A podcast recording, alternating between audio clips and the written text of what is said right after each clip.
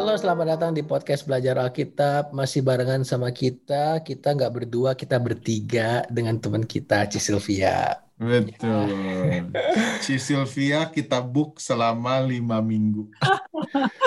ya, mungkin enam minggu pen karena uh, pelajaran hari ini itu uh, harusnya tuh tadinya digabung gitu sama yang minggu lalu. Cuman oh, okay. uh, uh, cuman karena misal uh, kayaknya informasinya agak terlalu banyak, banyak jadi kita split jadi dua gitu. Kita pisah karena spesifik dan maknanya juga penting buat kita gitu ya.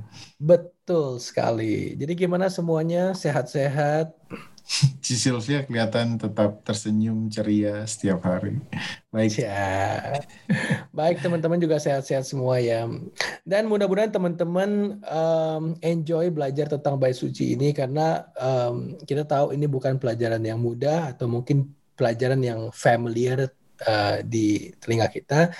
Tapi uh, selama dua minggu terakhir jujur aja buat gue sendiri gue sangat terberkati dengan pelajaran ini karena ini sangat berhubungan dengan um, yang selama ini kita pelajarin, khususnya tentang kematian Yesus di kayu salib. Pengorbanan Yesus untuk kita ya. Ya. Oke. Okay. Okay. Sebelum kita mulai kita berdoa dulu ya teman-teman. Bapak yang dalam surga, terima kasih Tuhan Engkau kumpulkan kami bersama-sama untuk belajar dan mengerti apa maksudmu, kehendakmu bagi kehidupan kami Tuhan. Terima kasih karena Engkau telah mati dan menebus kami Tuhan. Kami mau untuk Roh Kudusmu memberi pengertian kepada kami. Hanya di dalam nama Tuhan Yesus Kristus kami laskan doa ini. Amin. Amin. Oke, recap dulu nih, Ci Sylvia. Minggu lalu kita belajar apa sih? Recap. Harusnya aku dong nanya sama kamu. Oh iya betul. Oh iya. Nah, kita Lu lupa jangan-jangan, makanya lu suruh. iya, dia kayak si Steven nanti dia lupa, jadi dia recap gitu kan. Benar benar benar. Sebenarnya sih selain uh, apa namanya selain kita minggu lalu itu belajar tentang bahannya, materialnya. Minggu lalu kita bahas soal tembaga, maknanya apa. Hmm. Mas, maknanya apa yang ada di bilik suci dan maha suci. Nah, minggu lalu lebih spesifik sebenarnya kita bahas tentang mesbah korban bakaran. Kenapa misalkan eh, korban bakaran itu dilakukan setiap hari? Terus itu melambangkan apa? Kenapa harus tinggi tempat mesbah pembakaran hmm. itu? Dan ternyata semuanya itu karena itu melambangkan uh, apa namanya pengorbanan Yesus gitu. Pengorbanan ya. uh, domba yang tak bercela yaitu Yesus gitu. Dan di sana juga melambangkan soal pertobatan dan pengampunan. Seperti itu. Wah pintar wah, wah. lumayan lumayan. Lumayan. Wow. Oke jadi hari ini kita mau belajar apa nih Ci? Uh, jadi setelah uh, kan minggu lalu kita seperti uh, you know Pak Stephen uh, tadi bahwa uh, minggu lalu kita belajar mesbah korban bakaran. Jadi uh, minggu ini kita ke depan lagi uh, kan hmm. perabot perabotnya kan ada dua. Jadi yeah. yang kedua adalah uh, di pelataran bait suci adalah bejana pembasuhan. Hmm. Oke. Okay? Oke. Okay. Ya. Bejana pembasuhan. Hmm.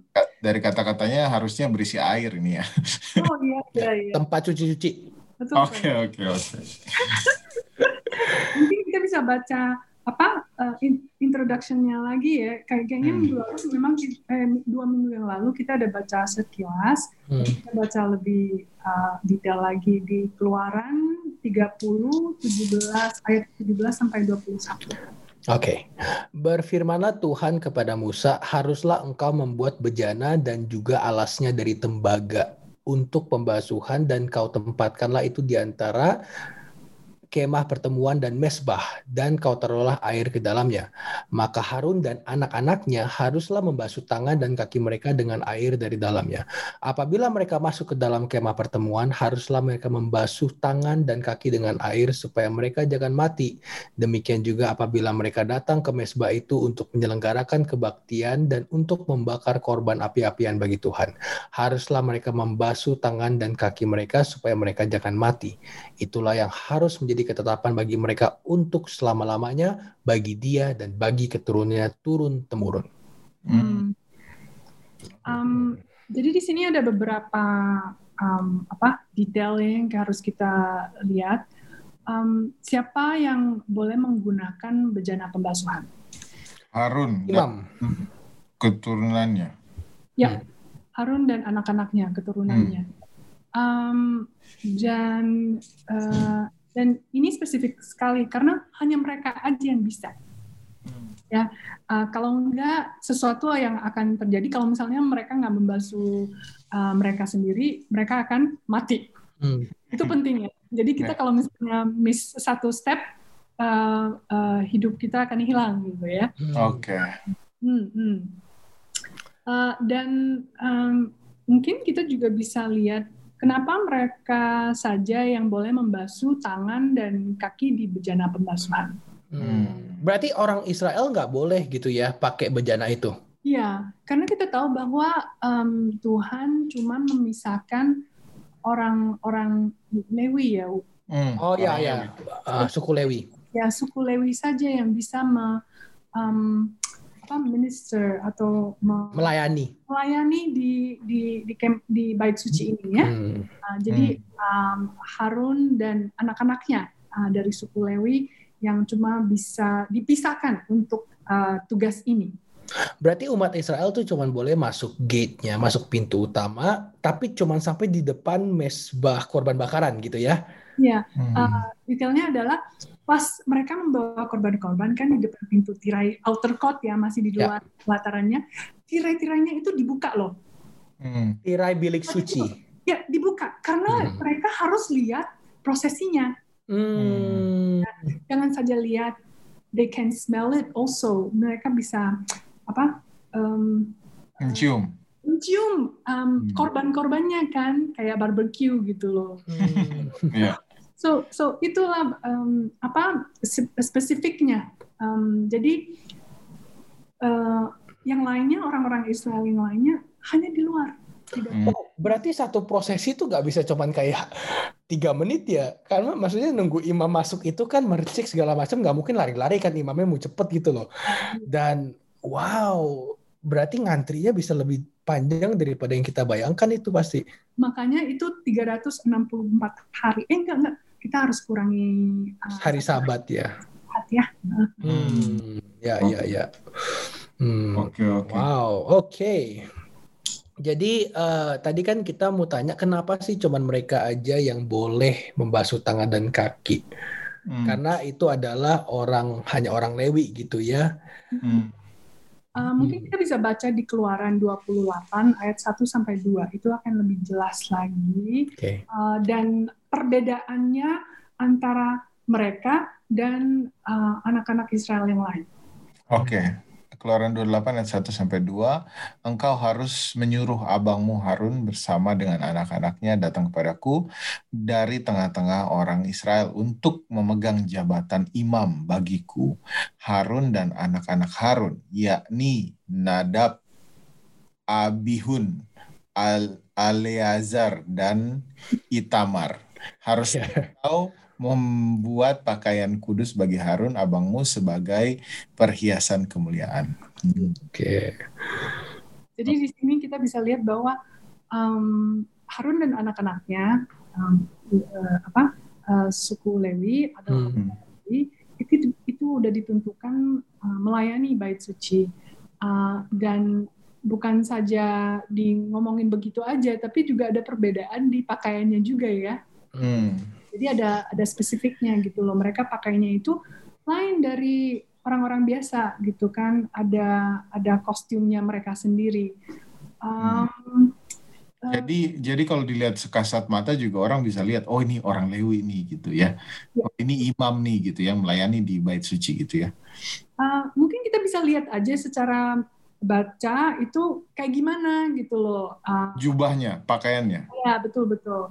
Uh, di Keluaran uh, 28 ayat 39 sampai 40 dan ayat 42 dan 43. Oke. Haruslah engkau menenun kemeja dengan ada raginya dari lenan halus dan membuat serban dari lenan halus dan haruslah kau buat ikat pinggang dari tenunan yang berwarna-warna. Juga bagi anak-anak Harun haruslah kau buat kemeja-kemeja dan haruslah kau buat ikat-ikat pinggang bagi mereka dan destar-destar haruslah kau buat bagi mereka untuk menjadi perhiasan kemuliaan. Buatlah celana-celana lenan bagi mereka untuk menutupi daging auratnya. Celana itu haruslah dari pinggang sampai paha panjangnya. Harus da Harun dan anak-anaknya haruslah memakainya apabila mereka masuk ke dalam kemah pertemuan atau apabila mereka datang ke mesbah untuk menyelenggarakan kebaktian di tempat kudus, supaya mereka jangan membawa kesalahan kepada dirinya lalu mati. Itulah satu ketetapan untuk selama-lamanya baginya dan bagi keturunannya. Hmm. Jadi ini ini ini cuman uh, untuk jubah imam ya. Jadi termasuk Harun dan termasuk uh, anak-anaknya juga. Imam biasa berarti ya, ya imam biasa, imam okay. biasa. Jadi ada instruksi lagi dari Tuhan uh, untuk membuat jubah yang spesial. Kita uh, dua minggu yang lalu juga belajar bahwa tentang uh, the high priest, hmm, imam besar. Imam besar. Jadi um, imam besar ini mempunyai jubah yang lain lagi. Uh, hmm. Ini kita bisa baca di Keluaran 28 4 sampai 5. Inilah pakaian yang harus dibuat mereka. Tutup dada, baju efod, gamis, kemeja yang ada raginya, serban, dan ikat pinggang. Demikianlah mereka harus membuat pakaian kudus bagi Harun abangmu dan bagi anak-anaknya supaya ia memegang jabatan imam bagiku. Untuk itu haruslah mereka mengambil emas, kain ungu tua, dan kain ungu muda, kain kirmizi, dan lenan halus. Hmm. Ya, agak susah di imagine ya. Tapi kalau misalnya teman-teman seperti nah, kita suggest bahwa um, teman-teman bisa ke Google atau cari gitu um, imam besar uh, jubah imam besar oh um, is it um, the high priest gitu lah. Karena orang-orang Israel um, uh, atau high priest of Israel gitu. Uh, teman-teman bisa lihat pakaiannya kira-kira kayak gimana? Hmm. ya Nah, mungkin itu akan lebih jelas bahwa di atas uh, pakaian yang untuk imam biasa, um, Harun memakai ekstra lagi. Hmm. Ya, ekstra lagi adalah ada tutup dada. So uh, Inggris uh, breastplate. Oke, okay, hmm. tutup dada. Itu agak aneh sih. Breastplate sama tutup dada gitu kan. Um, uh, baju ephod, so ephod ya. Habis itu uh, gamis uh, gamis uh, juga ya. Ya kalau sebenarnya kalau aku lihat sih ini artinya sih jubah. Oh, oke hmm. oke. Okay, Um, mungkin di bahasa Inggris akan sebenarnya lebih jelas sih.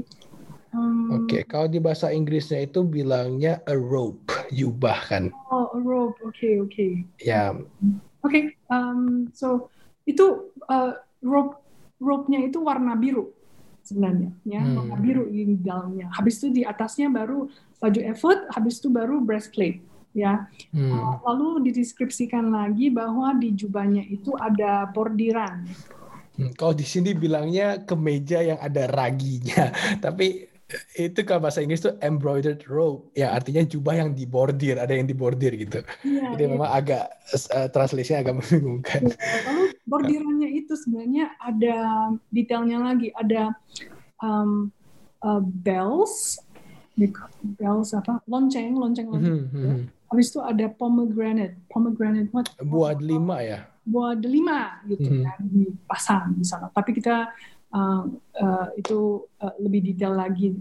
Tapi loncengnya kan memang dibuat supaya karena cuman si Harun yang boleh masuk ke bilik maha suci kan. Iya, ya, betul betul. Jadi ya. sebenarnya itu interesting sekali loh loncengnya loh. Uh, uh, mungkin um, sekilas aja ya bahwa fungsi loncengnya itu uh, sebenarnya untuk ketika imam besar masuk ke dalam uh, bilik maha suci bilik suci, lalu bilik maha suci. Hmm. Kalau misalnya you know, imam besar kita itu berdosa, dosanya masih ada yang tidak tidak masih tidak dipis, tidak dipisahkan, dia akan langsung mati. Mati. Hmm. Dan ketika orang-orang mendengar, "Eh, suara lonceng sudah nggak ada gitu kan maksudnya nggak ada gerakan itu dari imam besar um, sebenarnya mereka juga akan uh, me, apa mengikat ikat tali gitu kan di, di kakinya buat ditarik gitu ya. ya kalau misalnya dia mati di dalam dia itu ditarik keluar, begitu ya. karena kita dengar bahwa eh loncengnya sudah nggak berbunyi gitu. Oh maksudnya oh ya udah uh, uh, udah meninggal. Tapi uh, kayaknya sampai sekarang saya sih belum baca ada Gak ada yang mati ya untungnya ya. So far ya dari Alkitab ya. Tapi itu fungsinya ya fungsinya jadi ada detailnya itu um, jadi uh, selain jadi kita tadi uh, bahas bahwa ada ada tutup dada, ada baju efod, ada jubah, uh, sebenarnya jubahnya biru, biru. Uh, lalu jubahnya itu juga dibordir dan dibordir lonceng dan uh, buah-buah delima. Hmm. Habis itu juga di uh, kepalanya ada serban dan ikat pinggang. Sebenarnya bukan ikat pinggang sih, sebenarnya dia um, uh, ikat kepala gitu ya. Bando gitu, kayak hmm. bando gitu loh. Iya. Uh, uh, karena di atas turbannya itu atau apa uh, turbannya serban ya serbannya itu ada ikat ping kayak ikat kepala sebenarnya itu translasinya aja ikat pinggang harusnya itu kan sabuk gitu loh maksudnya oh, sabuk iya, iya, ikat iya. mean like bisa di kepala juga gitu kan itu ya hmm. jadi um, untuk imam besar itu spesial jubahnya lain hmm. uh, coraknya lain uh, dan um, mungkin teman-teman kalau misalnya uh, ingin belajar lagi bisa baca lebih uh, banyak lagi uh, di buku keluaran ya keluaran 28 hmm. baca aja baca dari sana ya. uh, tapi di sini uh, kita tidak akan uh, bahas terlalu dalam di sini ya hmm.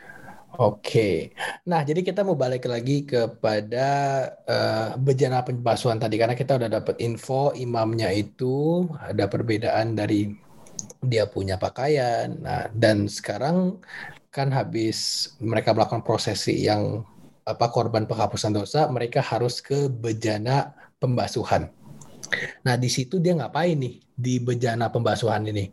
Hmm uh, kita lihat buka ke kekeluaran 30 ayat 17 sampai 21. Berfirmanlah Tuhan kepada Musa, haruslah engkau membuat bejana dan juga alasnya dari tembaga untuk pembasuhan. Uh, dan kau tempatkanlah itu di itu antara kemah pertemuan dan mesbah dan kau taruhlah air di dalamnya. Maka Harun dan anak-anaknya haruslah membasuh tangan dan kaki mereka dengan air dari dalamnya. Apabila mereka masuk ke dalam kemah pertemuan, haruslah mereka membasuh tangan dan kaki dengan air supaya mereka jangan mati. Demikian juga apabila mereka datang ke mesbah itu untuk menyelenggarakan kebaktian dan untuk membakar korban api-apian bagi Tuhan. Haruslah mereka membasuh tangan dan kaki mereka supaya mereka jangan mati. Itulah yang harus menjadi ketetapan bagi mereka untuk selama-lamanya, bagi dia dan bagi keturun keturunannya turun temurun. Hmm. Uh, kita uh, sebelum ini kan bahas bahwa uh, orang-orang yang bisa memakai uh, bejana ini. Jadi sekarang kita akan uh, uh, lihat lagi lebih detail uh, bejana ini uh, dibuat uh, dari apa, uh, dan fungsinya apa gitu ya. Uh, hmm. Kita lihat ke keluaran 38 ayat 8. Dibuatnya lah bejana pembasuhan dan juga alasnya dari tembaga, dari cermin-cermin para pelayan perempuan yang melayani di depan pintu kemah pertemuan. Jadi di sini lebih detail lagi bejana pembasuhan itu dibuat dari uh, tembaga. Um, tapi di alas juga, sebenarnya kalau misalnya kita lihat di uh, bahasa Inggris lagi, uh, King James atau apa, dia tuh uh, di dalamnya itu uh, kan untuk um, bejana pembasuhan kan kayak kayak apa kayak baskom gitu kali ya. Oh, baskom yang sangat hmm. gede yang dibuat dari tembaga ya. Habis itu di dalam baskom yang mem, uh, untuk isi air itu um, ada cermin-cermin ya tembaga tapi sebenarnya cermin yang kita kenal ya yang dari hmm. sekarang itu lain karena uh, cermin sekarang kan kita kan pakai kaca biasa itu Mhm. lapis kan, dilapis Ya. dengan perak yang mengkilat, jadi makanya menjadi cermin yang kita tahu, kita kenal. Hmm. Tapi masa lalu kan mereka nggak ada apa uh, uh, da- apa Bahan itu, material itu belum ada. ya, bahan itu ataupun skillnya gitu kan memang nggak ada. Jadi em, mereka eh, pada masa lalu mempak eh, itu pakai eh, tembaga yang dipoles, poles, poles, poles, poles, poles sampai sangat jernih. Mengkilat. Iya mengkilat sekali, sangat jernih sekali sampai mereka bisa melihat em, muka mereka Bayangan. Hmm. Ya, bayangan dari sana. Uh, jadi makanya itu dipanggil uh, apa tembaga, dari tembaga tapi cermin gitu loh. Hmm. Of course diambil cuman diambil dari pelayan pelayan wanita. Ya, Yang bercermin gitu ya. Oke. Tapi kenapa ada spesifik, eh, maksud tembaganya harus yang seperti yang udah jadi cermin ya? Karena kan pada dasarnya ini kan cuma, bukan cuma sih, tapi maksud gua kayak Cuman buat cuci tangan gitu kan. tempat membasuh tangan dan kaki, ada maknanya nggak sih kenapa mesti se, se, secermin gitu, sampai harus pakai yang tembaga cermin gitu? Ya, um, seperti kita nanya, wah kenapa? Bukannya hanya kayak kayak apa baskom atau tempat Ya. cuci, kenapa harus ada cermin-cerminan? Apa artinya? Itu pasti ada artinya karena setiap detail di um, di bait suci itu selalu ada simbol dan uh, artinya. Um, kita buka ke Yakobus uh, 1 ayat 23 sampai 25. Sebab jika seorang hanya mendengar firman saja dan tidak melakukannya, ia adalah seumpama seorang yang sedang mengamat-amati mukanya yang sebenarnya di depan cermin. Baru saja ia memandang dirinya, ia sudah pergi, atau ia segera lupa bagaimana rupanya. Tetapi barang siapa meneliti hukum yang sempurna, yaitu hukum yang memerdekakan orang, dan ia bertekun di dalamnya. Jadi bukan hanya pendengar untuk melupakannya, tetapi sungguh-sungguh melakukannya, ia akan berbahagia oleh perbuatannya. Hmm. Jadi um, Yakobus uh, menjelaskan bahwa kita bukan hanya uh, sebenarnya bukan hanya pendengar firman saja, Hmm. tapi juga pelaku firman. Um, kalau tidak, kita akan sama aja dengan orang yang melihat diri kita yang lama gitu loh di cermin itu, yang masih berdosa, yang masih berantakan, yang masih belum belum, belum rapi, Hmm. jadi cermin itu melambangkan apa kira-kira? Hmm. Perintah Ada- Tuhan. Ayat 25, ayat 25 uh, mengatakan itu. Tetapi barang siapa meneliti hukum yang sempurna, hukum yang memerdekakan orang. Hmm. Hukum Tuhan. Betul. Jadi cermin itu melambangkan hukum Tuhan. Hukum yang memerdekakan firman Tuhan. Hmm. Jadi um, ketika kita uh, mulai mengenal Yesus, mengenal Alkitab, mengenal hukum, barulah kita um, apa um, realize ya Hmm. sadar bahwa kita tuh berdosa dan dengan kita menuruti uh, hukum saja itu tidak menyelamatkan kita sebenarnya. Hmm. Itu cuman kasih tahu bahwa Eits kamu tuh gak belum sesuai standar kamu tuh masih gak sestandar Tuhan Yesus masih berdosa ya gitu melanggar Ya karena um, kita sekarang mah um, selalu um, bilang oh um, aku orangnya baik-baik baik kok gitu. Aku nggak dosa, nggak bunuh orang, nggak nggak apa nggak gak bohong gitu gitu kan. Um, tapi hukum Allah mem, apa reveal ya me- Me- menampakkan menunjukkan gitu ya kan yang lebih lebih dalam lagi dari situ. hmm. Uh, makanya um, di bejana tembaga ini um, uh, ada cermin karena Hmm. dia uh, menampakkan diri kita sendiri ketika mereka membasuh ya ketika mem- imagine ketika mereka membasuh mereka melihat diri mereka sendiri dan dia reflect gitu loh oh apakah um, um, saya masih mempunyai dosa gitu apakah uh, dalam uh, masa ini uh, saya telah um, minta uh, pengampunan dosa. Jadi itu seperti reflection itu um, untuk uh, imam besar dan Iya. juga anak-anak uh, uh, Lewi. Karena mereka kan mau masuk ke dalam bilik suci yang adalah hadirat Tuhan di situ kan. Mereka harus benar-benar ya jangan sampailah mereka ada sesuatu yang belum mereka minta ampun sama Tuhan toh gitu ya. Ya, Jadi itu um, sangat penting sekali sebenarnya. hmm, Ya. ya. Nah, tapi kan di bejana itu ada air nih, Ci. Nah, air itu buat apa gitu? Maksudnya oke eh, udah reflect gitu. Apakah air supaya membersihkan mereka atau gimana gitu? Hmm. Uh, kita baca di Yohanes ya, Yohanes Ya. 15 ayat 3. Kamu memang sudah bersih karena firman yang telah kukatakan kepadamu. Um, jadi ketika kita um, sebenarnya buat kita kita sih air kan penting ya, Ya, Hmm. buat buat cuci. ya buat cuci, buat masak, buat minum. Gitu. Hmm. Minum pun mempunyai fungsi yang sama sebenarnya dalam tubuh kita loh, Hmm, membersihkan. membersihkan gitu kan. Ya.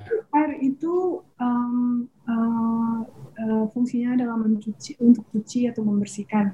Hmm. Dan di sini uh, mengatakan bahwa air itu me- melambangkan simbol uh, uh, seperti uh, firman gitu loh. Jadi air itu membasuh, membersihkan kita. Hmm. Jadi air air itu adalah simbol iman, iman bahwa kita sudah dilahirkan kembali lagi oleh kar- karunia Yesus. Jadi Hmm. um, di sini um, uh, kita lihat bahwa um, ketika membasuh, bagaimana kita pasti bahwa uh, aku akan bersih gitu loh sebelum masuk ke bilik suci ya. Ya, kayak aku nggak mati gitu kan. Ya, ya. how how can they be sure gitu? Apakah cuma dari membasuh saja? Hmm.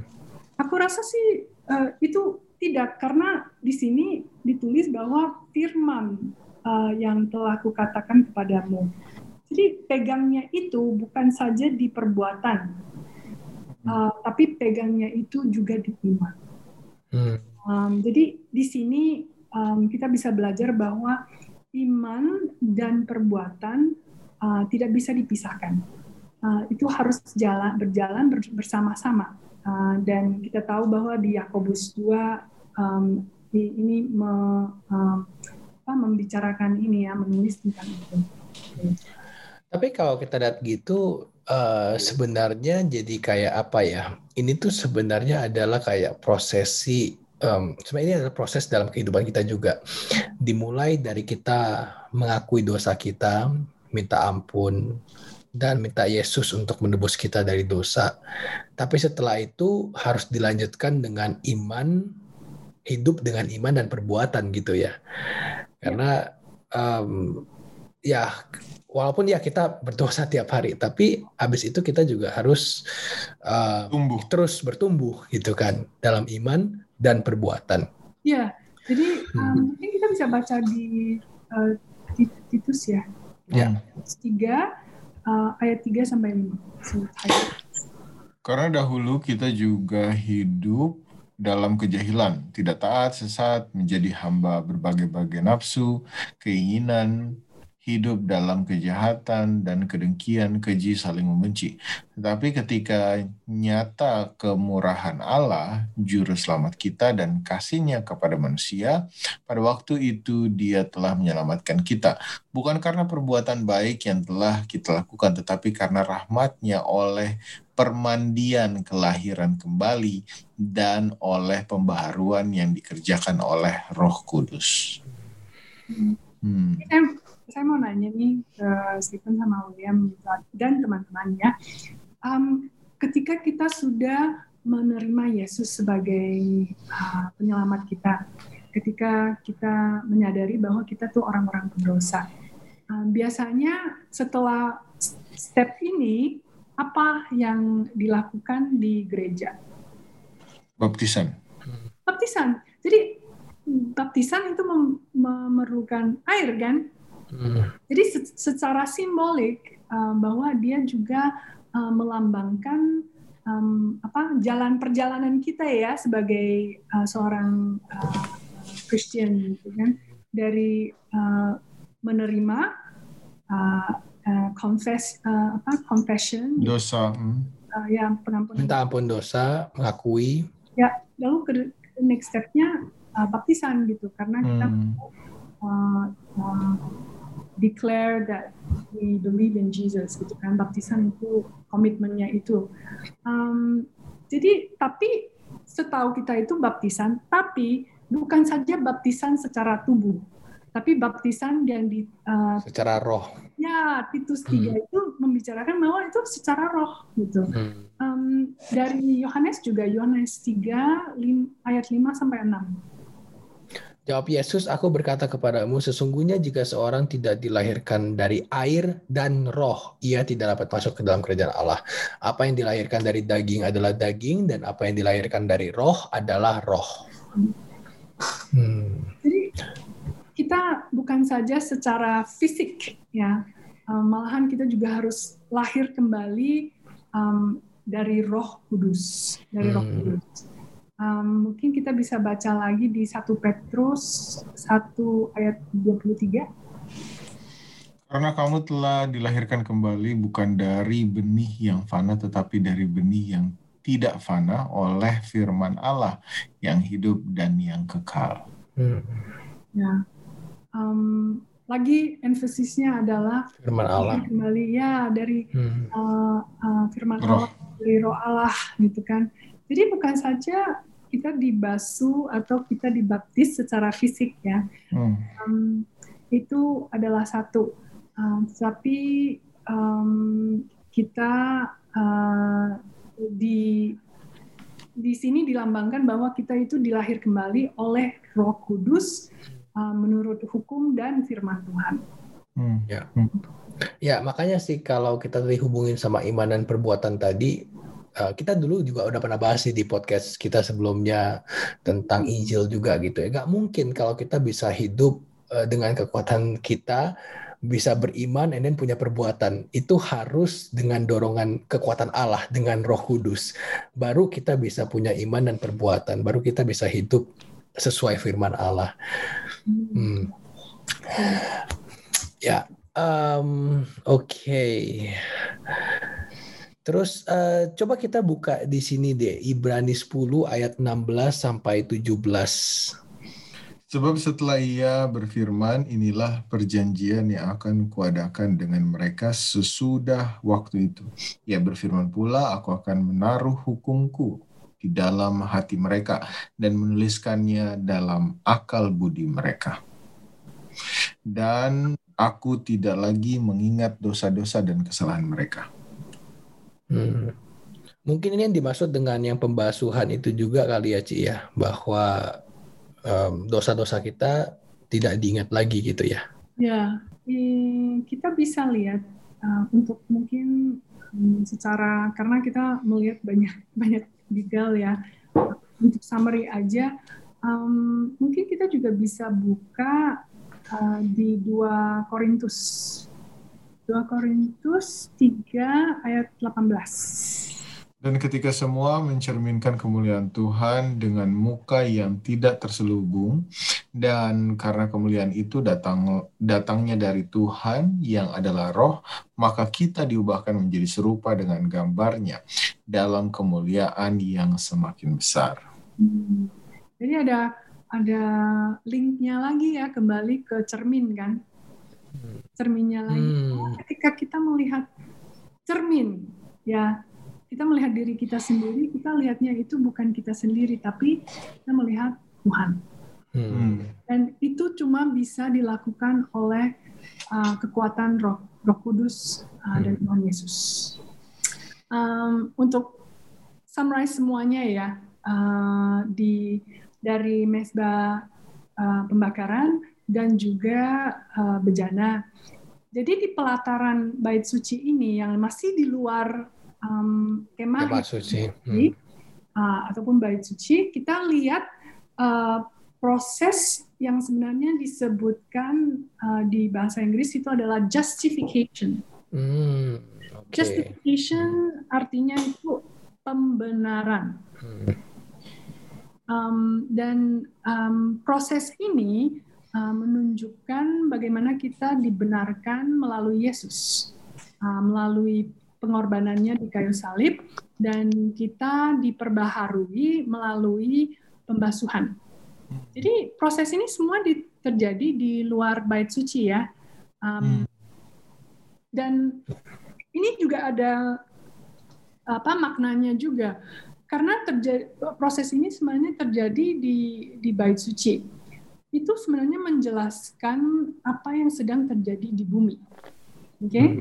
jadi uh, masalah apa yang paling terbesar di bumi uh, coba kita baca di Roma uh, 5 ayat 8 akan tetapi Allah menunjukkan kasihnya kepada kita oleh karena Kristus telah mati untuk kita ketika kita masih berdosa. Hmm.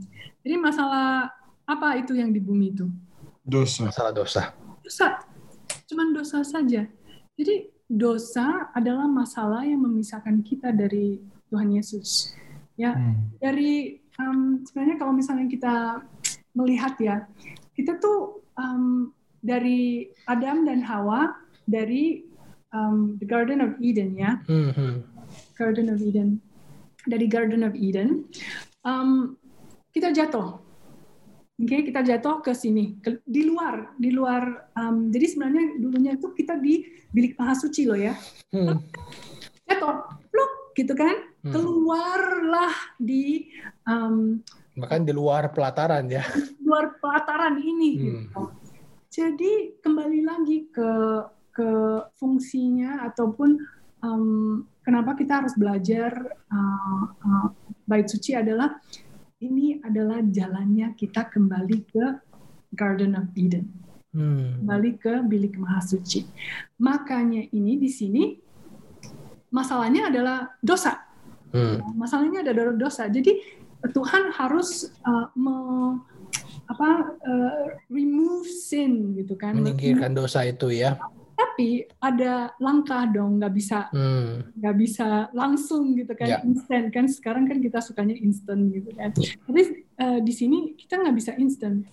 Jadi dosa adalah masalah yang terbesar.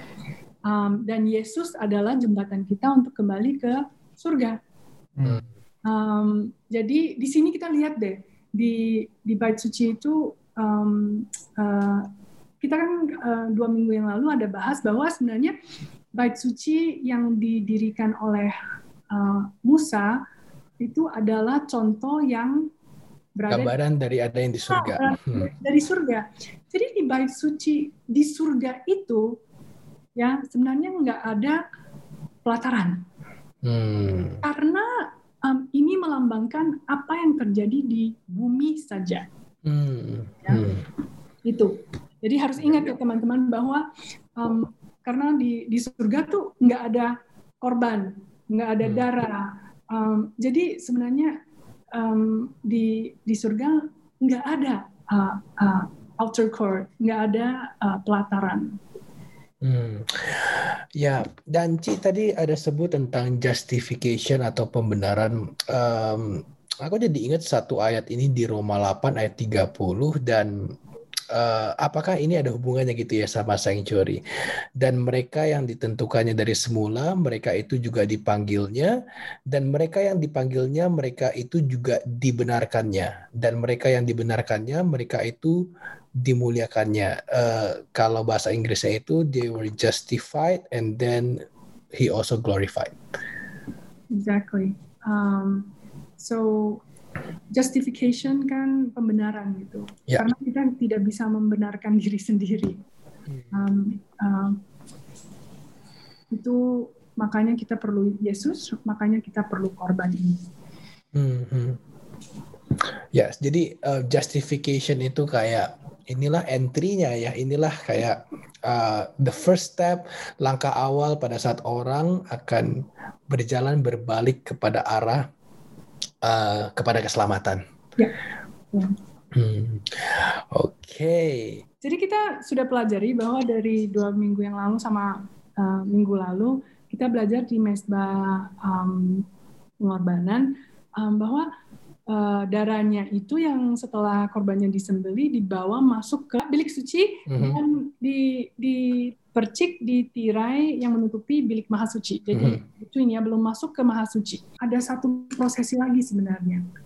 Ini melambangkan um, satu prosesi di mana um, darah korban itu bukan hanya dibawa ke dipercik-percik di tirai uh, maha suci, tetapi hmm. dibawa masuk ke bilik maha suci. Uh, di hmm. 16 ayat 15 sampai 16 ya. Lalu ia harus menyembelih domba jantan yang akan menjadi korban penghapus dosa bagi bangsa itu dan membawa darahnya masuk ke belakang tabir. Kemudian haruslah diperbuatnya dengan darah itu seperti yang diperbuatnya dengan darah lembu jantan, yakni ia harus memercikan ke atas tutup pendamaian dan ke depan tutup pendamaian itu. Dengan demikian ia mengadakan pendamaian bagi tempat kudus itu karena segala kenajisan orang Israel dan karena segala pelanggaran mereka, apa pun juga dosa mereka demikianlah harus diperbuatnya dengan kemah pertemuan yang tetap diam di antara mereka di tengah-tengah segala kenajisan mereka. Hmm, betul. Jadi dia masuk satu lagi ke dalam sampai akhirnya itu. Hmm. Dan um, ini hanya terjadi satu kali setahun. Hmm. Jadi ini adalah kayak pembersihan yang besar-besar ya. Hmm. Um, jadi imam itu langsung masuk ke bilik maha suci dan prosesinya um, event ini uh, namanya adalah hari perdamaian hmm. atau uh, di Inggris itu Day of Atonement. Hmm. Jadi artinya selama belum ada hari pendamaian itu dosa-dosa uh, bangsa Israel tuh masih ada atau darah itu ya masih diterai itu gitu ya. Betul betul. Sampai pada hari pendamaian baru itu pembersihan seluruhnya gitu berarti. Betul betul betul. Hmm. Itulah hmm. Pertanyaan tambahan, kalau di tirai kan dipercikannya hari-hari di ya, di bilik suci, masuk dipercikin, masuk dipercikin. Setiap hari orang ngaku dosa masuk dipercikin. Tapi kalau untuk masuk ke bilik yang maha suci itu di hari pendamaian itu. Betul. Oh. Cuman cuman setahun sekali di hari pendamaian di mana imam besar masuk sampai ke dalam-dalamnya bilik maha suci. Itulah oh, des. Itulah yang final gitu loh, yang final. Hmm, oke. Okay. Makanya sempat kita bahas juga eh, si baju dari apa namanya imam besar itu ada lonceng-loncengnya karena pada saat dia masuk ke bilik yang maha suci satu tahun satu kali, kalau dia nggak bersih dia bisa mati di dalam dan loncengnya udah nggak berbunyi, hmm. orang-orang itu bisa narik dia pakai tali yang diikat di kakinya, gitu ya? Ya betul. Ah, tapi sepanjang di Alkitab sih belum pernah ada ya imam besar. Nggak pernah dibaca ada. Ya, Nggak ya. ditulis ya. juga sih. Oke, baiklah. Berarti itu pengertian yang eh, apa namanya? maksudnya ada akhir dari proses uh, dari yang di depan hmm. penumpahan darah lalu pembasuhan lalu masuk ke dalam percik-percik tapi ternyata ada ada pembersihannya setahun sekali oke okay. secara keseluruhan deh kita teman-teman kita kita lihat ya di di pelataran ini kadang-kadang setelah kita kita reflect sendiri kita sudah menerima Yesus habis itu sudah dibaptis tetapi di sono aja gitu loh. Tapi nggak um, masuk-masuk ke bilik suci. Jadi nanti ke depannya itu kita akan belajar. Um, jadi what's next gitu. Um, hmm. Sebenarnya saya sering saya ingat deh pas saya dibaptis ya. Um, so setelah belajar Alkitab, habis itu um, setelah menerima Yesus, habis itu dibaptis kan, aku nanya ke diriku sendiri, I ask, so what's next gitu. Hmm. Karena um, aku orangnya agak goal oriented juga sih ya. Jadi saya selalu nanya sendiri, so what's next gitu after this gitu. Apakah itu aja? Um, setelah kita belajar bait suci, barulah aku tuh ngerti, oh it's not it's not the end gitu kan. The end is near but not yet gitu. So so di sini kita bisa uh, lihat bahwa kalaulah kita menuju ke surga, um, apakah um, kita harus mempersiapkan diri kita juga untuk uh, masuk ke surga? Hmm. Hmm. Hmm. Ya, ya. Hmm. Dan ya seperti ada yang bilang juga kan kalau kita mau tinggal di surga ya kita harus belajar hidup seperti hidup di surga ya. Hmm. Ya. Baik, baik, baik. Oke, teman-teman, mungkin ada yang sedikit overwhelmed kayak gua karena gue um, mencerna pelajaran ini perlahan. Tapi nggak apa-apa teman-teman, uh, berdoa aja dan pasti Roh Kudus akan bantu kita untuk lebih mengerti karena sebenarnya uh, di episode pertama dari pembahasan bait suci ini kita udah sempat ngobrol bahwa bait suci, kemah suci itu sebenarnya melambangkan rencana keselamatan yang direncanakan uh, Allah bagi kita manusia gitu supaya kayak tadi Ci Sylvia bilang bahwa kita ini udah keluar dari Taman Eden dari tempat yang suci dari dari tempat kita seharusnya gitu dan hmm. harus kembali masuk ke dalam. Nah kita udah sampai di mana nih prosesnya? Apakah kita masih di luar kemah suci? Apakah kita udah di tempat pembakaran korban? Apakah kita udah sampai di pembasuhan pada saat pembaptisan? Atau kita udah di proses yang mana nih? Dan kita hmm. kembali ke dalam lagi gitu. Nah kita perlu belajar ini karena ini bersangkutan sama keselamatan kita. Hmm. Ya. Oke. Oke, uh, buat teman-teman yang pingin belajar bareng kita, kita juga ada setiap hari Sabtu jam 2 siang. Bisa nanti dapetin linknya, DM aja kita di IG kita, namanya apa, Pen? Belajar Alkitab Podcast. Yes, Belajar Alkitab Podcast. Dan uh, kalau teman-teman juga ada pertanyaan atau pingin Bible Study, juga bisa DM kita. Dan uh, nanti kita bisa belajar bersama-sama juga. Mm-mm. William lah yang ngajar. Sama-sama. Oke, okay, kalau gitu, yuk uh, kita sampai ketemu minggu depan kita mau berdoa dulu ya. Terima kasih ya Tuhan karena pelajaran hari ini kami tahu bahwa ini sesuatu yang baru yang mungkin agak uh, sulit untuk kami uh, cerna untuk saat ini. Tapi kami percaya Tuhan uh, bahwa Tuhan akan mengirimkan Roh Kudus untuk membuat kita mengerti. Karena kami percaya keselamatan rencana keselamatan yang Engkau telah buat adalah untuk semua manusia. Jadi kalau kami betul-betul mau mencarinya dan mengertinya, Tuhan akan memberikan kami hikmat buat itu. Dan kami berdoa Tuhan supaya kami bisa selalu bertumbuh, makin mengerti rencana keselamatan dari Tuhan, menerimanya dan kami bisa mengabarkannya juga belajar bertumbuh sama-sama dengan teman-teman semua. Terima kasih ya Tuhan, kami berdoa di dalam nama Tuhan Yesus, Juru Selamat kami. Amin.